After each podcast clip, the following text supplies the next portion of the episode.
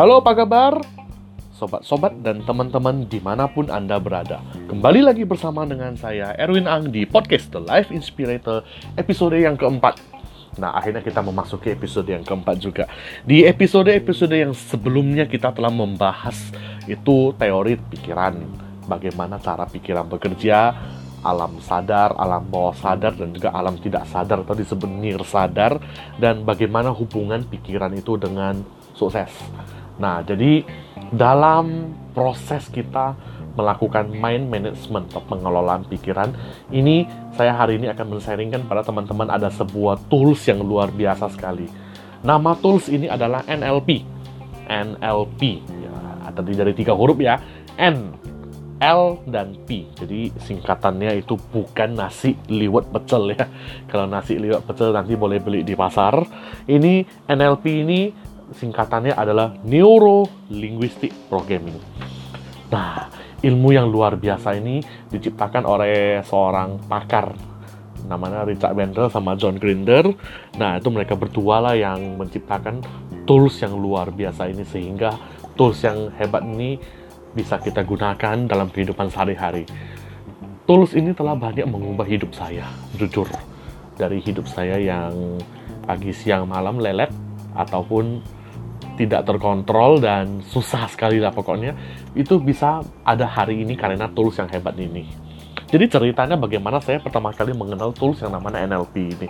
NLP ini pertama kali saya dengar dari mentor saya namanya Pak Krisna Murti ya. Mindset motivator nasional yang sudah sangat terkenal. Nah ceritanya pada tahun 2005 dulu di saat saya masih seorang mahasiswa mahasiswa STI PMCI dari Medan. Nah, waktu itu ada motivator namanya Pak Krisnamurti datang membawakan sebuah seminar sama workshop. Di sana beliau mengajari NLP itu seperti apa. Nah, inilah yang akan saya sharingkan kepada teman-teman versi yang sangat sederhana. Bagaimana kita memahami apa sih itu alat yang namanya NLP ini. Nah, jadi kita akan bedah satu persatu dari ketiga huruf ini. Karena setiap huruf ini mewakili bagiannya masing-masing. Yang pertama, neuro, yaitu N. N neuro. Kalau kita dengar kata neuro, berarti ya kita terbayangnya itu sistem saraf ya. Yaitu saraf otak. Nah, jadi neuro di sini itu mewakili otak kita atau pikiran kita. Nah, jadi di sini neuro itu akan banyak membahas tentang bagaimana pikiran kita itu, mindset kita itu bisa mempengaruhi emotion kita.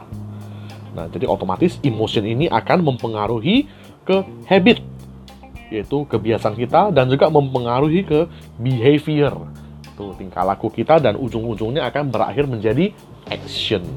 Nah, jadi bagaimana pikiran itu mempengaruhi tubuh kita? Ini semua ada di bagian neuro ini. Bayangkan ya orang kalau misalnya hari ini dia mau pergi keluar prospek, wah melihat udara panas sekali, lalu muncullah emosi, waduh saya jadi malas, nanti deh. Jadi orang tersebut jadinya menunda. Eh setelah tunda tiga jam turun hujan, tunda lagi, satu hari telah hilang. Di sini neuro kita akan membahas bagaimana kita mengendalikan otak kita ini semua manusia itu diberikan otak yang sama, jadi ibaratnya the same hardware ya, otaknya itu sama. Jadi di sini kita itu bisa mengkondisikan pikiran kita supaya berpengaruh ke emotion dan juga mempengaruhi ke action kita. Nah, nanti di episode-episode yang mendatang kita akan banyak membahas praktek-praktek teknik-tekniknya itu seperti apa. Oke, kita masuk ke kata yang kedua yaitu L language bahasa. Tentunya kita tahu ya, alat komunikasi itu pastinya adalah bahasa. Nah, jadi kita itu menyampaikan sebuah informasi dari si pengirim ke si penerima ya, dari sender ke receiver bahasa. Nah, jadi bahasa ini sangat berperan penting sekali dalam ilmu NLP. Teman-teman bisa bayangkan, sebuah kalimat bahasa yang kita lontarkan keluar itu bisa membuat orang bahagia. Sebuah kalimat yang kita lontarkan keluar itu bisa membuat orang marah ataupun kecewa. Bahasa itu mempengaruhi sekali. Mungkin kita langsung kasih sebuah contoh ya. Karena hari ini saya mengatakan sesuatu lah pada seseorang gitu. Eh, you better change. Anda sebaiknya berubah. Mau nggak mau tahu, pokoknya Anda itu harus berubah biar bisa jadi lebih baik. Kalau kita cara ngomongnya seperti itu kan ibaratnya frontal langsung ya. Kayak Rambo ambil mesin kan, tot tot tot tot tembak semua langsung.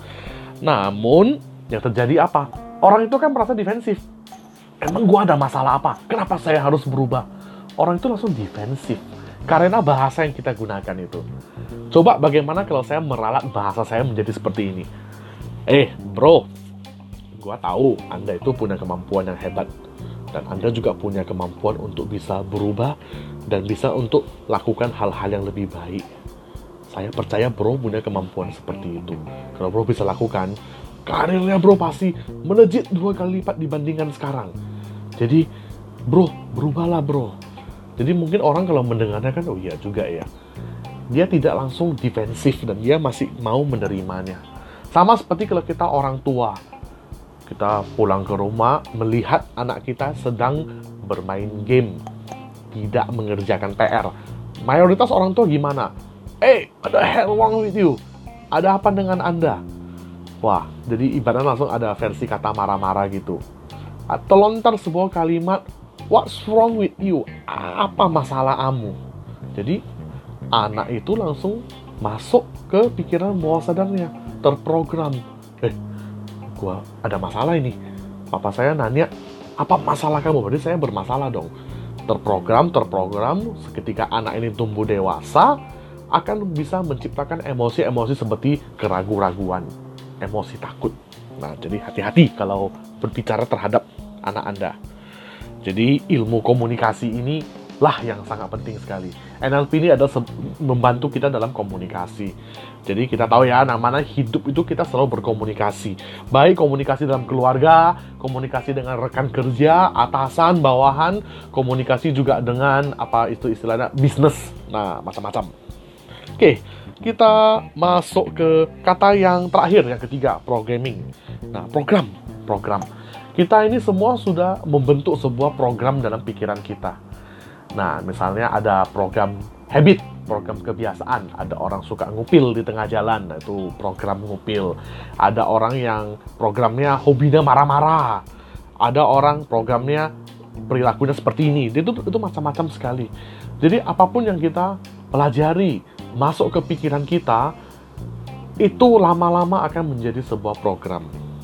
Coba kita bayangkan program gosok gigi teman-teman di sini semua orang yang kalau bangun tidur itu kan langsung menuju ke kamar mandi.